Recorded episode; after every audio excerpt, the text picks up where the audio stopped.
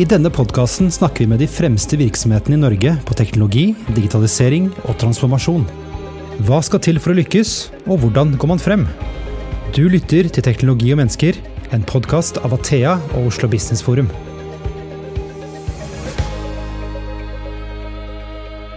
Hei, alle sammen. Eh, hjertelig velkommen til live podkast. Mitt navn er da Christian. Og jeg tenker eh, Vi skal jo i gang her med å ha et spennende, eh, spennende gjester. Men vi har også noen som følger oss live på LinkedIn. Og i tillegg så blir jo dette en episode som noen skal lytte på til tirsdag. Og da tenkte jeg i mitt hode, så håper jeg dere virkelig er med på det, er at vi da skal hilse til de. Klarer vi det? Dette er veldig enkelt. Jeg har skalert ned ambisjonsnivået mitt. Eh, sånn at Vi skal gjøre det veldig enkelt. Vi har et kamera helt bakerst i salen som da livestreamer. Eh, så jeg tenkte at da alle skulle snu seg, ikke gjør det nå, eh, og rope hei. Og da må man skrike høyt og henningsløst, og så vinke. Så jeg teller altså opp til tre, og på tre da, så snur man seg. Går det greit? Yes. Og her er jeg håper å si, Den som skriker høyest, vinner en premie. Jeg lover. Jeg følger med. Skal vi prøve, da? Vil dere stå, eller er det komfortabelt å sitte? Stå, faktisk. Det er veldig bra. Deg liker jeg. Eh, så da reiser vi oss opp. Og når jeg altså teller til tre, så snur dere dere, og så veiver dere vilt og hemningsløst og roper så høyt dere kan 'hei'. Deal? Veldig bra. Én, to, tre. Hei! Yes! Veldig bra. Nå ble jeg imponert, faktisk. Så skal vi over til eh, dagens eh, tema. Eh, vi lever jo i en litt usikker tid. Og jeg vet det er mange med meg som ofte går med en litt sånn klump i magen. For det skjer masse ting.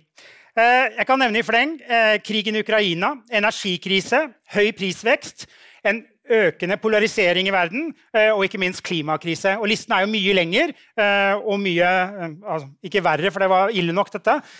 Men det er mye som skjer. Jeg så på et NRK-innslag her forrige uke hvor man intervjuet en jeg vet ikke hva det heter, men jeg skrev ned vannetatssjefen. Er det en stilling? Det tror jeg. som er da sjef for vannet da, i en liten fransk landsby helt langt syd i, i Frankrike. Eh, og Innbyggerne der har jo levd faktisk med vannrasjonering i måned etter måned etter måned. etter måned. Og han sa så fint til NRK eh, hvis folk ikke har skjønt det nå, da hjelper ingenting. Vi må omstille oss. Og jeg tror kanskje eh, eh, Budskapet hans var at det ene er at vi må kanskje leve litt andre liv. Eh, men vi skal også omstille næringsliv. Vi skal omstille egentlig hele eh, samfunnet. Så i denne episoden skal vi rett og slett eh, finne ut hva vi skal gjøre for å klare omstillingen og for å skape de grønne arbeidsplassene. Eh, og hvordan teknologi kan bli en viktig driver der.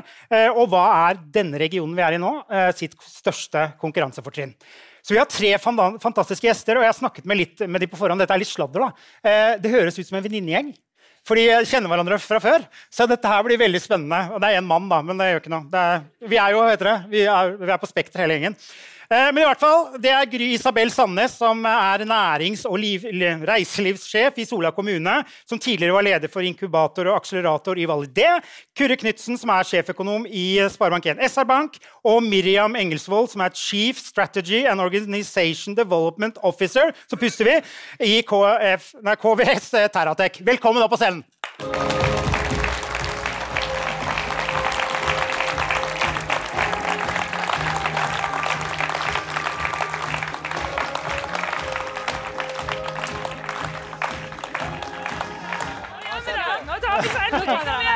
Jubla litt. Inn med deg, inn med deg. Inn, inntil. Og fingeren i veien. Sånn. Nydelig. Eh, Kyrre, eh, jeg tenkte jeg um, skal begynne med deg. For det, um, det er to uh, liksom, yrkesgrupper jeg liker å drikke øl med. Mm. Og det er faktisk, uh, er, det er gøy å drikke øl med de her òg. Ja. Men uh, det er faktisk sjeføkonomer, og så er det advokater. Oh, ja. Det er hysterisk morsomt. Eh, og du er jo faktisk vår første sjeføkonom i denne poden. Hvordan føles det? Eh, jeg er bæra. du er bæra. Ja. Så det er veldig kjekt å få være med. Ja, det er nydelig. Eh, jeg tegnet jo et ganske eh, Hva skal jeg kalle det? Det er jo sånn grått, grå verden vi lever i eh, nå. Eh, pandemi, Jeg vet ikke engang om vi er over pandemien, men det preger jo kanskje ikke livene våre så mye som før. Eskalerende klimakrise, krigen i Ukraina. Eh, Kyrre, tror du at alle disse tingene er med på å tvinge fram en omstilling? Eh, ja, altså bare apropos omstilling. Det var, du introduserte jo meg som en del av venninnegjengen. ja, sorry.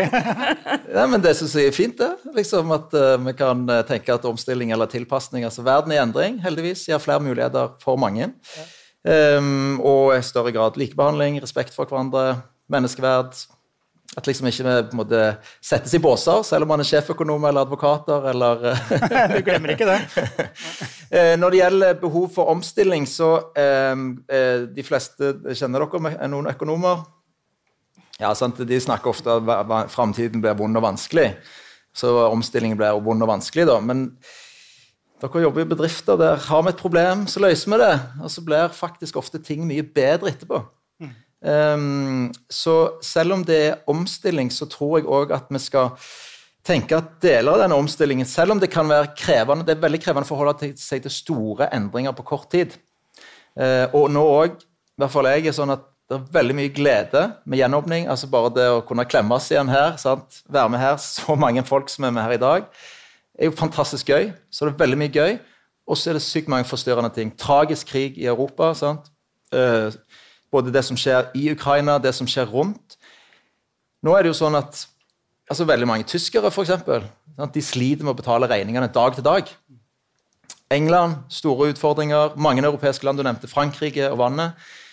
For, for mange av de er jo omstilling mye mye større og mye mer fundamental på en måte enn det som er, Vi opplever jo store utfordringer her i Norge òg, men jeg tror av og til lurt å bare liksom løfte blikket litt og se at våre europeiske venner mange av de, de er faktisk veldig avhengig av at vi gjør de riktige, riktige tingene nå. Da, sant? Mm. F.eks. For i forhold til hvordan vi forsyner Europa med gass. Vår rolle i et Europa som forhåpentligvis klarer å samle seg igjen etter de utfordringene vi står i. Så jeg tenker at Omstilling det betyr eh, det er en eh, veldig krevende mental øvelse.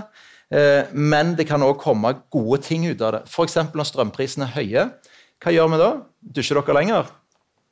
Altså Full pris på strøm på hytta for to uker siden det var 85 kroner. sant? Er vi villige til å betale det? Nei, da dusjer vi kortere. Min dusj nå, selv om vi får litt strømstøtte hjemme, består av ti sekunder. Så skrur jeg av dusjen, så sier jeg til ungene nå må dere følge med. Det er sånn jeg skal dusje. Såpe deg inn, og så ti sekunder til, og så ferdig. så det, det vil jeg si en enkel omstilling, men ganske betydningsfull i forhold til lengden på den dusjen og strømforbruket. Grisabel, hvordan dusjer dere hjemme? Eh, nå er jo vi flest damer egentlig i huset hjemme, så det med å prøve å innføre ti sekunder har vært litt vanskelig. Men jo, jeg har gjort det samme. Eh, innført kortere dusjing. Eh, skru av vannet mens du tar balsam i håret. Det gjør man jo når man er dame av langt hår. Og ikke minst følge med på Lyset sine hjemmesider når det er billigst å bruke strøm. Det har jeg innført. Mm. Det var liksom ikke noe vei tilbake. Og det, det, det? Det er jo nyttig i grunnen. Altså, det er jo opplæring av uh, barn og unge i forhold til dette med å forstå ressurser og forstå utfordringer og sånne ting. Så ja. Mm. Nå har ikke jeg tenkt å stille deg dette spørsmålet, samme spørsmålet, for da blir det jo en dusjepod. Det, det, gidder vi jo ikke. Eh, men hva tenker du om, eh, om, den beskrivelsen som jeg gjorde, og i forhold til følelsen som er hos folk da, til å, at vi må omstille oss? Tror du det har gått opp for folk? Jeg tror at um, altså den type krise som et, et, naturlig spørsmål som kommer til meg, da, er jo hva, hva krisen gjør med oss. Ikke sant? Og eh, jeg tror at det, kom, det, kommer litt an på hvor vi var før krisen inntraff. Hvis vi har ressurser, hvis vi på en måte har eh, til et visst nivå hodet over vann, så kan kriser være en utrolig god katalysator, en kraft til forbedring eller justeringer.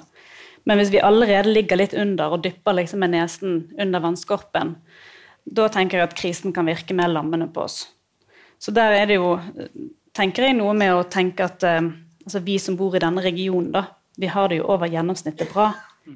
Og da ligger det også et ekstra ansvar til å bruke nettopp disse krisene til å gjøre noe.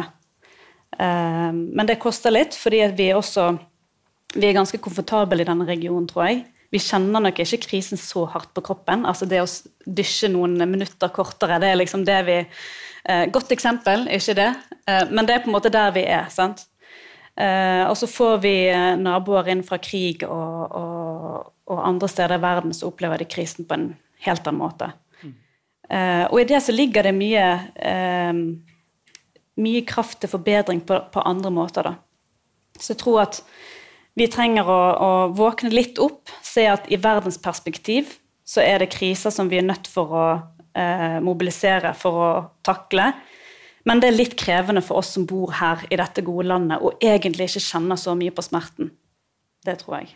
Kan jeg Um, bare for å legge til det, Jeg er helt enig med deg at det er noe med at nå blir det enormt viktig å, å på en måte hjelpe eller beskytte eller løfte eller de som på en måte ikke har muligheten til å så at Det er grenser for hvor mye du kan kutte strømforbruket. Sant? Noen matvarer må du ha. Uh, masse andre priser har steget. Så jeg tror også, og det, I dag kommer jo statsbudsjettet, sant? og der prøver man jo å ha en sånn profil da, med å, å, å hjelpe de som uh, har største utfordringer. Men òg utfordringen med statsbudsjettet. Du klarer ikke å gjøre så mye.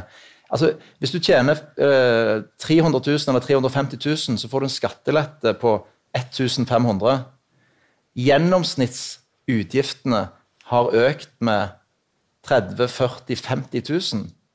Sånn at det, jeg tror det er enormt viktig at det der sikkerhetsnettet, som er ganske bra i Norge, i liksom normale tider, at det må bare sørge for at òg står gjennom de veldig store utfordringene som vi har på noen områder nå. da, Sånn at ikke noen på en måte faller utfor. Du hører jo nå, altså Folk står i køer for å få gratis mat. og, altså det, og de, de, gjør jo ikke for det at det er for gøy. De vil jo ha kjøpt maten sjøl, de òg, men det er rett og slett fordi de har ikke råd. Så, så, det er en sånn ting. Og jeg tenker også dette med inkludering og se litt stort på det. Jeg er trener for eh, Viking gutter 13. Riktignok treerlaget, da, men de er veldig talentfulle, de òg. Altså. Og jeg er stort sett vimpelbærer, men av og til får jeg lov å være trener. Men der har vi, sant, der har vi tre stykker fra Syria. Jeg tenker fotballen fantastisk arena for lagbygging, integrering, inkludering. Der de sant, der har de like muligheter som alle andre, og de elsker å trene. Mange av de er på en måte blant de, Flere av de er blant de beste på laget. Vi har ingen fra Ukraina ennå, men når de kommer, så tenker jeg da skal vi sørge for å ta godt vare på de og gjøre liksom, det beste ut av situasjonen for de òg. Mm. Så det handler jo om på en måte, i en sånn situasjon som du sier, hvis du, hvis du har nesten over vannet, løfte blikket litt og se hva vi kan gjøre. da. Det er jo ikke alt dette som koster penger. Sant? Det koster meg ikke veldig mye å få, få, med to gutter fra Ukraina til på det laget. Sant? Mm. Så, så jeg tenker litt det der se det store bildet, og de som har muligheten til det, strekker seg litt lenger. da. Men det er bare en siste kommentar på det. For det, det er litt sånn tosidig. da. Jeg tenker På den ene siden skal vi hjelpe og bidra. Um, men vi skal også være forsiktige for å bli for late på en måte, og ha det for bra med tanke på at uh, altså der utvikling virkelig skjer i verden, det er jo der de trenger utvikling. Eh, så du ser, altså Jeg snakket med søsteren min i går, som er lærer i grunnskolen. Hun forteller om sin første ukrainske elev. Så kommer jeg inn og bare grusebanker de andre elevene i, i fag. Og de, de, har en helt annen motivasjon og sult for å lykkes. Eh, og det kan jo komme av eh, mange ulike former for kriser. det. Men det er på en måte oppsiden av å være Ikke nødvendigvis ha hodet under vann, men akkurat der at du, du, du trenger krisen for å komme framover. Og der tenker jeg at vi, vi står liksom midt imellom der. da. At vi har ressursene, men har vi liksom drivkraften og motivasjonen egentlig til å endre oss? For vi må jo ikke. Så den, det, syns bare det er en liten sånn tanke til refleksjon. da. Mm. Vi er bare på innledningen her. Det har gått fem minutter. Men det gjør ikke noe siste Ja, nei, jeg tenker bare litt sånn uh, Med utgangspunkt i den bransjen hvor jeg kom fra før jeg begynte å jobbe i Sola kommune. Um, det er jo bransjen for tro og håp. Altså utvikling av nye selskaper. Mm hvor alt handler om å fortelle at dette skal gå bra, eh, vi skal prøve enda mer. Eh, alle disse tingene på en måte som gjør at vi klarer å få enda flere arbeidsplasser, enda flere gode selskaper inn i, inn i vår region, og så egentlig i Norge som helhet. En fun fact, og du etterspurte om fun facts, det er jo det at uh, i den bransjen så er det sånn at krise, jo større den er, jo mer innovasjon er det. Og sånn har det vel gått gjennom hele historien kan en jo si. Altså, det, det denne begrepet 'nødlærer naken kvinne å spinne'. Det er jo sånn det er. Så, Og det å klare å ta inn over seg at dette er en mulighet til å skape nye ting basert på de erfaringene vi faktisk sitter igjen med i et land som har masse gode nettverk, vi har det trygt, vi har det godt. Nå har vi en anledning til å gjøre ting enda bedre og enda mer grundig for flere enn oss selv. Jeg tror Vi må se, se på det som det, og så skape enda flere nye ting, enda flere gode nye selskaper. For mulighetene er der, spesielt i vår region hvor det er både kapital, det er lang erfaring. Vi i Norge har det beste innovasjonssystemet, et av de beste innovasjonssystemene i verden. Her kan du komme til et sted med erfarne forretningsutviklere, investorer, nettverk, kompetanse. Og du kan få penger av staten for å lage en ny grønn teknologi. Hvorfor kaster vi oss ikke rundt og bruker den anledningen til å gjøre mer av det? For det har vist seg historisk at det er sånn det skjer. Krise, ny teknologi. Mm. Og Vi kommer litt tilbake til det etterpå. Men jeg tenkte, Kyrre, dere har jo uh, dere lager en konjunkturbarometer, så du kan jo faktisk si noe om hvordan det står til i denne landsdelen. Mm. Men før jeg spør om det Vi blir jo aldri ferdig. Ikke nok med det. Nei, ikke nok med det. Uh, så er det jo statsbudsjettet i dag. Har du noen ja. snacks derfra? Det er vel ingen av oss som har fått med oss omtrent noe? Ja, altså, noe Siden dette ikke kommer til å bli broadcastet til den store verden, skal jeg si at det er katastrofe. Statsbudsjettet? Ja. ja. Men, eh, men, hvis det skal sendes, så må vi modifisere oss og si at det er litt overraskelser. Um, men hva går det i, da? Nei, altså Det ene er jo den skattepakken som ble, de ble tvungen til å publisere forrige onsdag. Eh, som altså sier at eh, det skal bli økt skatt på laks, vann og vind. Og så kan man si ja, ja, men tjener de ikke så mye at det kan de bare betale, da? Ja, altså ok, Vi alle tenker sikkert at det er jo på en måte fellesskapets eh, ressurser, og de skal vi, skal vi på en måte få en fornuftig fordeling av. Det tror vi alle kan være enige om. Så det er ett utgangspunkt. Samtidig så må jo det balanseres ut ifra at det er selskaper som driver innenfor disse sektorene. sant? Og eh, når du da øker Hvis vi tar vannkraften og vindkraften, da, skatten Når vi står midt inne i tidenes energikrise, så er jo det mildt sagt overraskende. Du ser selskap og selskap sier at vi kommer til å utsette investeringer, utsette aktivitet, utsette innovasjon, nyskaping, effektivisering, fordi at dette skaper uforutsigbarhet. Så, sånn sett så syns jeg det er litt, sånn, litt, overraskende tid å legge fram såpass store endringer. Det eh, hva skal vi si, litt unødvendig stor usikkerhet om rammebetingelser for næringslivet. Alle bedrifter er vant til å liksom betale skatt. Det er helt ok, men hvis du går fra så jeg hadde sagt til dere, eh, Athea eksempel, nei, dere går fra 22 til 62% skatt i dag. Hva hadde svaret vært da? Nei, ikke spør meg. Nei, takk. Ja, ja, ja. Men den andre eh, som er overraskelsen, det var altså at da regjeringen eller Finansdepartementet de legger jo fram et budsjett, og så er det basert på noen forutsetninger for norsk økonomi. Og de maler et veldig sånn fint bilde av norsk økonomi neste år, med en vekst på 2% nesten, som er altså 1,7, da, som er, er ganske, ganske, høyt. Når vårt barometer viser at egentlig veksten stopper opp. Og Norges Bank, som da ligger ca. 200 meter fra Finansdepartementet, de anslår minus 0,4% I antall jobber så er det 40 000 jobber neste år som skiller de to anslagene. 40 000 jobber. Bare i Rogaland blir det 4000 jobber i forskjell på forventninger til norsk økonomi. Så hvis Finansdepartementet eller regjeringen hadde moderert sine anslag, så ville det vært rom for mer oljepenger. Vi måler ofte i forhold til handlingsregelen, den er jo 3% Nå foreslår de 2,5 Så det er veldig sånn nøkternt og fint, og det skal de ha. Eh, men det meste annet eh, Eller, nei da. Det er, det er mye fint med budsjett òg, altså, men, men det, det, var noe der med liksom i forhold til hvor stor uforutsigbarhet trenger vi da på toppen av alt det andre som skjer rundt oss. Mm. Eh, og det neste spørsmålet går jo også til deg, for dette konjunkturbarometeret. Mm. Eh, det, er det også litt trist lesning? Uh, jeg er nok en mann som liker gode nyheter best, men jeg liker godt å være godt forberedt. Og Det syns jeg var viktig denne gangen å få fram, at nå går vi fra ganske høy vekst, og vi måler jo hele Sør-Norge, inklusiv Oslo, går fra høy vekst, og nå stopper veksten opp i gjennomsnitt. Så det var det ene. Det andre er at det blir veldig store eh, bransjevise forskjeller. altså Energibransjen, som det er ganske mye av i, i vidt både i Sør-Norge, men kanskje spesifikt Rogaland og Vestland. Der det jo, er det jo veldig høy aktivitet. Eh, hvis du bruker for mye energi, vi har sett eh, eksempler alt fra baker til næringsmiddelindustri, så er det knalltøft. Så Det betyr òg at behovet for uh, avdempende tiltak eller liksom Økonomer er jo litt redde for for mye støttetiltak? Men, men, i den spesielle situasjonen der så står vi jo fare for at liksom, ressursene dreies veldig inn i en, et hjørne nå. For det, arbeidsledigheten er lav, og det er kamp om ressursene. Så, um, så jeg tenker at det, det er liksom et ting som er viktig å ta med seg. Jeg tror det andre er at renta har økt og kommer til å øke mye. Så jeg prøver å si det til alle. Dere må gå hjem. Har dere boliglån? Lån i bedriften? Ja, alle har det. Har dere flytende rente? Ja, Kanskje én har fastrente, men de fleste har flytende rente. Så det er bare å gå hjem og regne på 4,5% boliglån, eller kanskje 5% hvis vi skal ta litt tid, i mars-april neste år. Og så se på månedsbudsjettet om det går greit opp eller ikke. Hvis det ikke går greit opp, så bør man allerede nå begynne å ta høyde for det. Mm.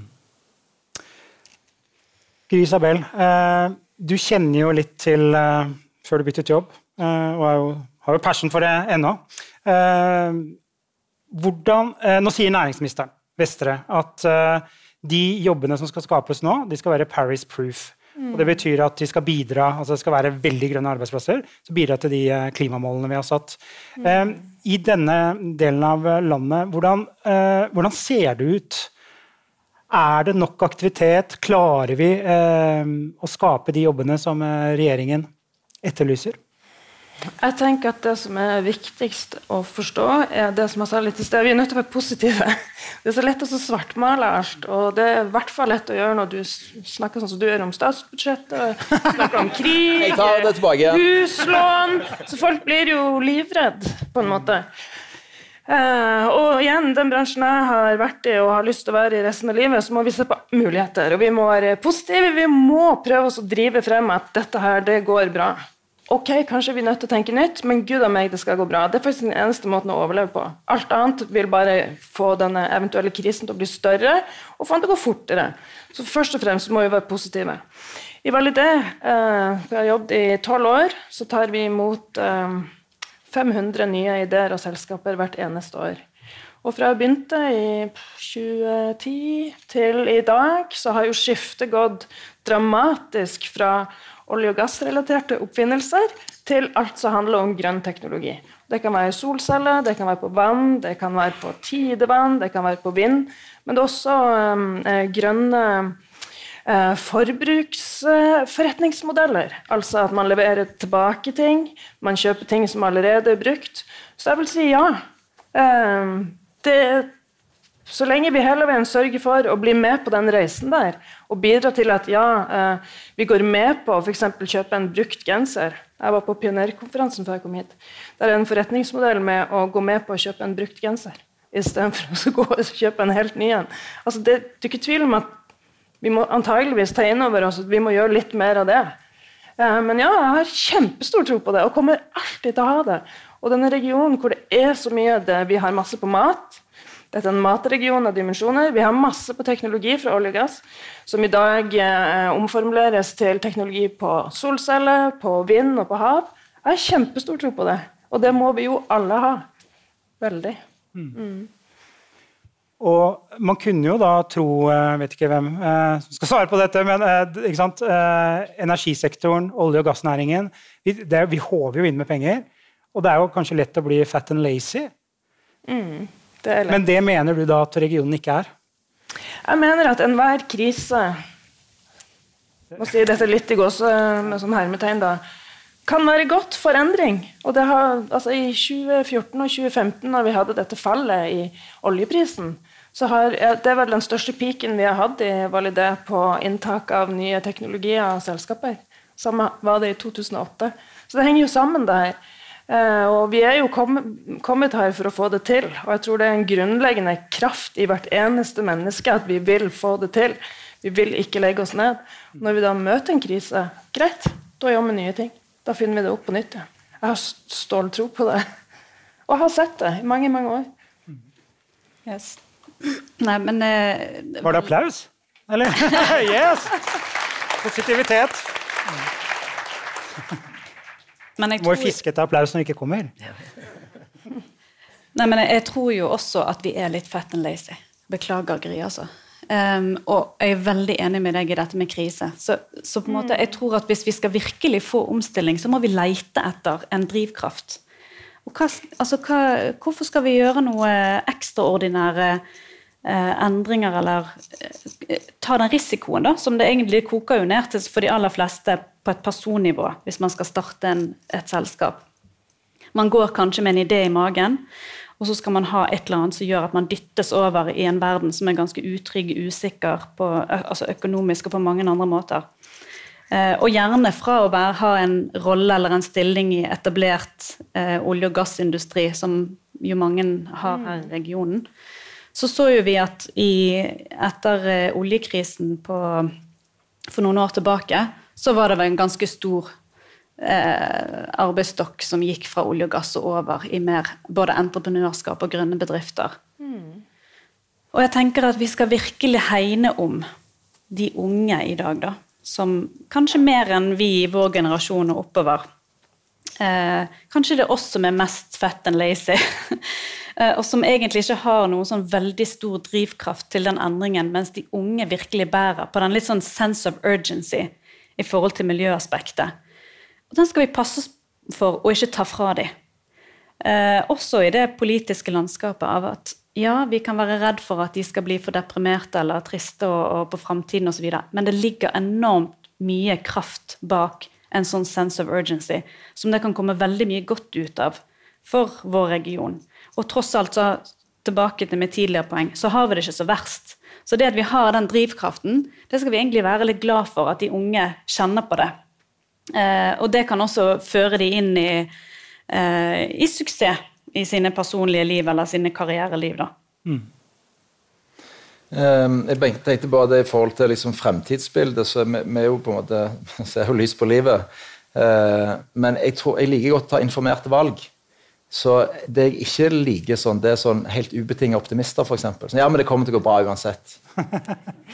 Ja. Ikke myntet på deg. Ja, altså, Nei, det håper jeg ikke. Ja, ja men jeg, det var ikke det var sånn, bare for liksom en sånn liten nyanse, da. Sant? Fordi det er så sant? Når jeg snakker med folk nå, hvis jeg ser at du har et sykt stort boliglån eller stort lån på bedriften Det mest sannsynlige nå er at den renten kommer opp. Nå har steget ganske mye allerede. En del har ikke fått med seg at den har steget. Sant? Og kommer til å stige videre. Da må du ta noen informerte valg. Sant? Da kan du velge å fortsette akkurat som før. Eller du kan tenke nei, min rentekostnad går sånn og sånn og sånn. Da bør jeg gjøre noe i dag. Så Det tror jeg er enormt viktig, at vi, at, vi liksom ikke, at vi ikke er redd for å snakke om ting blir dårligere. Sant? Og så, og så kan vi godt være optimister for det, fordi hvis vi håndterer utfordringer og kriser på en god måte, ja, så kommer styrka ut i andre enden. Men hvis vi kommer ut som bankerott og konkurs, det er jo ingen som, liksom, vokser av det. Ja, jeg kan være liksom på litt lengre sikt, men det er en veldig krevende ting. Og det, Mitt neste punkt da var dette um, forholdet mellom liksom, hvor dårlig har du det, og hvor stor er innovasjonsevnen. Og hva var det du sa 'sense of urgency'? For Jeg, jobbet jo i Equinor noen år, og da hadde vi sånn samling som dette her omtrent. Strategi, bla, bla, bla. Helge sto på scenen og så ut i salen og sa ja, 'Vet dere hva det største rommet i verden er?' Har dere noen som har hørt den før? Har noen forslag? Ja, jeg har svart verdensrommet. Tenkte det var det. Nei, det er rommet for forbedring. Men poenget var jo at på det tidspunktet i 2011-2012 så gikk Equinor veldig bra. Og Det neste han sa, det var akkurat det som du var inne på nå. Sense of urgency. Hvordan kan vi som organisasjon, men vi kan si, si litt større det, som mennesker eller som samfunn, få en sånn sense of urgency? For Hvis vi tenker omstilling, at vi må gjennom en energiomstilling nå på Hvor lang tid det tar, vet jeg ikke helt, men liksom fra olje- og gassdominert til fornybardominert.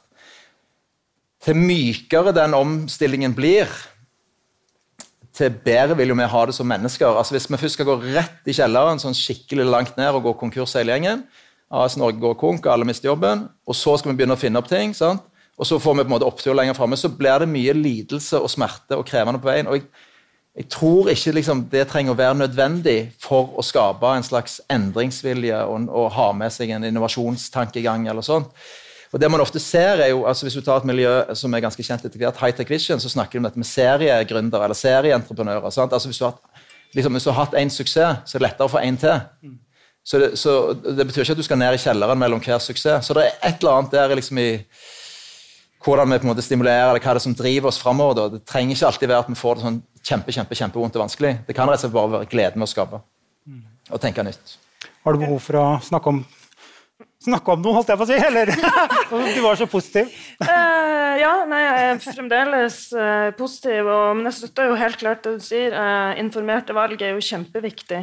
Og der har vel jo vi som enkeltmennesker og mennesker i en stor gruppe i et stort samfunn skal fungere, ansvar for å ta informerte valg og hele veien vite hvem en er og hvor en står, og, og hva ressurser som finnes. Så jeg, jeg støtter det. Allikevel så er det bare sånn at vi ikke trenger å gå konkurs eller uh, landet forsvinner i en krig for oss å lage ny teknologi. Uh, og de der uh, mindre krisene, hvis vi skal kalle det det, som vi har hatt de siste 10-20 årene, har bevist flere teknologier kommer på bordet, og mange av de ser vi i dag i vår region. Så jeg vil bare fremdeles være kjempepositiv og så bruke denne positive passion, drivkraften, til å se at aha, ok, det her gjør litt vondt. Ja vel, greit hva skal vi gjøre da? Da må vi gjøre noe annet. Det er sånn vi driver frem nye ting. Det er gjort liksom her på hjernen i jeg vet ikke, hundrevis av år. Vi må bare fortsette med det. Det ligger i blodet her. Eh, du nevnte tidligere at uh, det rant jo inn med gode prosjekter, ideer osv. Uh, er det mulig å si noe om hvilke prosjekter er det som lykkes? Er det noen eh, kjennetegn ja. på, på, de? Veldig kjekt å snakke om. Ja. ja. Hvor masse tid har jeg? Jeg skal prøve å si det kjempekort, men det handler om det samme som jeg nettopp har sagt. Det handler om den grunnleggende tingen i alle ting som er vellykka. Det er mennesket. Veldig enkelt. For det kommer fra mennesket, og det er mennesket selv som må drive det frem. Så i vår bransje, i, altså dette her i bransjen med å uh, investere i og utvikle nye selskaper, så ser vi aller først på teamet. Hvem er teamet? Uh, passer teamet til å gjøre dette her? Det er noe som heter et dårlig team eller et team som ikke passer til oppgaven, kan ødelegge gull. Mens et veldig godt team kan lage gull ut av gråstein. Og så er det jo sånn at Vi er jo fullt av masse forskjellige mennesketyper i verden. Og heldigvis for det, for noen kan gjøre det, noen kan gjøre det, og noen kan gjøre det. Noen er lagd for å være gründere. Uh, og de tåler motstand, de tåler kriser, og de tåler å lure på om de har penger til å betale husleia si. Det er sånn det. Men alle er jo ikke lagd for å gjøre det, og heldigvis for det. Vi skal gjøre forskjellige ting i livet. Men mennesket, først og fremst. Det står på mennesket alltid om vi skal lykkes. Og etter det så kommer det på kapital, kompetanse, nettverk og timing. Har du ideen din på riktig tid? Så alle nå som kan eh, f.eks. lage teknologi ut av bølger, det er riktig tid nå. Eksempelvis. Kanskje det er noen der. Eh, KVS Terratech. Det er ikke sikkert at uh, alle i salen kjenner dere, men det er kanskje den at det er, da. Uh, men, uh, og dere skal bytte navn, og så har jeg prøvd å presse fram det nye navnet, men det vil du ikke avsløre. Nei. Men det er ikke det jeg skal spørre om. fordi samarbeid Skal man få til omstilling, så er samarbeid kjempeviktig. Og dere er jo i norsk målestokk et relativt voksent selskap. stort. Hvordan jobber dere med, med innovasjon? samarbeider dere med startups? Hvilket ansvar tar dere? tar dere? Oi, det var Stort spørsmål. Ja. Um, akkurat nå så tror jeg at vi er oss sjøl litt nok. Um, vi har jo frem til nå vært både en del av akseleratorprogrammet til Gry, eh, den KVS-biten som kanskje er mest kjent her i Rogaland, da, som er jo en startup fra Rogaland, som nå har kjøpt opp Terratec, derav det litt sånn kronglete navnet KVS Terratec. Um, så eh, det med at vi er oss sjøl nok, handler jo litt om at vi nå står midt oppi en fusjonsprosess mellom egentlig to selskaper, men det ene selskapet besto av ni selskaper. Så det er jo en ganske altså, tenk, Se for deg at du er ni eh, ulike band som spiller forskjellig type musikk, og så skal du få dette til å bli ett orkester. Det er liksom der vi er nå. Mm mange muligheter. En helt fantastisk eh, arbeidsstokk som er positiv og full av forventninger. Eh, men, eh, men, likevel så er det en ganske stor jobb å gjøre å omstille oss og rekalibrere folkene i selskapet til å gå i en og samme retning. Da. Så det er liksom der vi er akkurat nå. Kan jeg komme med en liten fun fact med, med KVS? Kjempegøy selskap. Det var en haug med studenter fra UiS Eh, med ingeniørutdanning som valgte å lage et selskap istedenfor å hoppe inn i Equinor. Og det liker jo vi i Innovasjonsparken kjempegodt. Flere av de der som tenker at ah, yes, jeg prøver sjøl. Mm. Vi har jo flere gode ideer som vi alle kjenner til. Vi har Easy, Beyonder. De kommer fra det miljøet der. Så det går an. Det går an. Eh, Vi nærmer oss slutten, faktisk. Jeg har ikke kommet gjennom omtrent et eneste Oi. spørsmål. eh, Men sånn er livet, da. Eh, Men vi har jo en fast spalte i denne poden som heter 'Hva er din største IT-tabbe?' Eh, og det gleder jeg meg til å høre. Eh, jeg kunne jo bydd på min egen, den, eh, men den kan man høre i første episode i denne sesongen. Eh, og jeg har bedt dere forberede og grave dypt, for vi trenger noe juicy. er det Hvem har lyst til å starte? Jeg kan, jeg kan starte. Veldig. Jeg har gjort en tabbe om igjen om igjen, om igjen, som jeg kjenner på hver eneste dag. Og det er det faktum at jeg klarer å slette telefonlista mi på telefonen relativt ofte. Og nå klarte jeg å gjøre det når jeg skifta jobb, som resulterer i når folk ringer, så er jeg litt redd for det som telefonselger. Så det er litt sånn skarpe stemmen. Ja, hallo! Så er det bestevennen min eller den tidligere sjefen min, eller hvor jeg må si "Un- unnskyld. Jeg har sletta telefonlista mi igjen. Hvordan, kan jeg spørre om hvordan du klarer det? Eller vi kan gå videre. Jeg vil gå videre. Miriam? Ja, nei, altså jeg, jeg eh, sa jo det til deg at jeg, var- jeg syns det var enormt gøy å få det spørsmålet, da, først og fremst. Fordi jeg har eh, Jeg fikk et annet spørsmål av mannen min her for en stund siden. Så spurte han meg syns du at du sjøl er morsom. Og da måtte jeg si det at jeg, jeg syns vel at jeg er ufrivillig morsom. Og så har jeg det veldig mye gøy på min egen bekostning. Så altså, Jeg kan ha det veldig gøy med mine egne feil og mangler. Og tabber. Så når jeg fikk det spørsmålet, så tenkte jeg å, det skal jeg kose meg med. Og det er sikkert masse å ta av. Jeg hører en sånn unnskyldning at jeg ikke kom på noe. Nei, nei da, jeg kom på noe. Men jeg håpte du skulle være en sånn du vet, sånn tatt med buksene ned, eller et eller annet sånn ekstremt. da. Men det er litt mer i gaten til Gro. Litt sånn hverdagstabbe. Eh, mm. Eh, og det er jo det at eh, Håper noen andre som kjenner seg igjen i dette. Eh, her for, eh, for et års tid tilbake så fikk jeg et stort ansvar i et selskap som jeg jobbet i da, Beyonder faktisk. Eh, og skulle lede et sånn anskaffelse av et nytt ERP-system. Og IT er jo ikke min bakgrunn, da, men jeg hadde andre kvaliteter som gjorde at jeg fikk den oppgaven.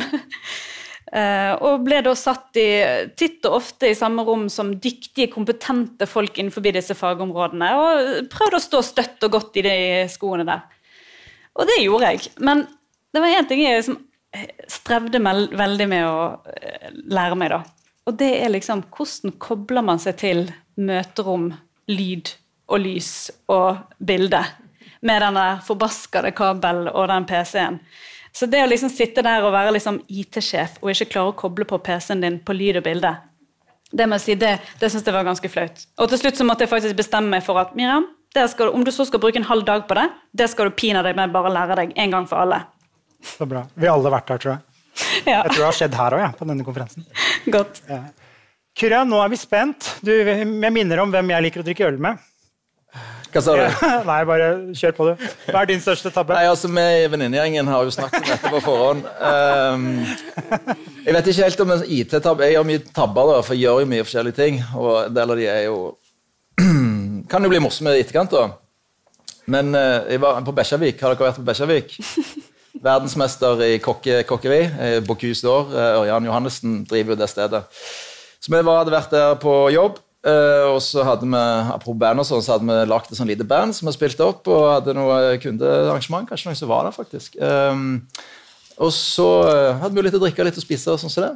Og så eh, plutselig så våkner jeg opp av at uh, alle på hele hotellet uh, lurer på liksom Hva var det nå som skjedde? Dette var midt- på natta, da. Uh, og så står verdensmester i kokkeri han står der og liksom Ja, brannalarmen er gått, liksom. Hvem er det som har, har gjort noe med det? Og så alle var jo sånn Nei, nei, jeg har ikke gjort noe.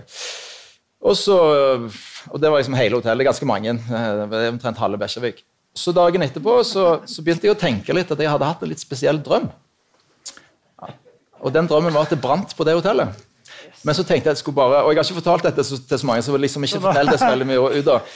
Så, så dagen etterpå så jeg tenkt jeg, vi lar den ligge. liksom, Trenger ikke snakke med det om noen. At, eh, at det kunne vært meg. da. Og så, så kom han verdensmesteren igjen, og så sa han ja, vi har funnet ut hvem som utløste brannalarmen. Det var du. Det var du. Så jeg vet ikke om det har med IT å gjøre, men uh, Men hvordan? Hvordan fikk du det ja.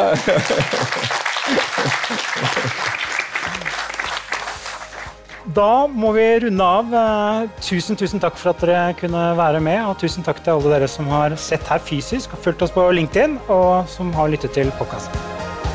Du har nå lyttet til Teknologi og mennesker, laget av Athea og Oslo Business Forum. Liker du podkasten, setter vi stor pris på om du gir oss noen stjerner. Og tips gjerne en venn om podkasten.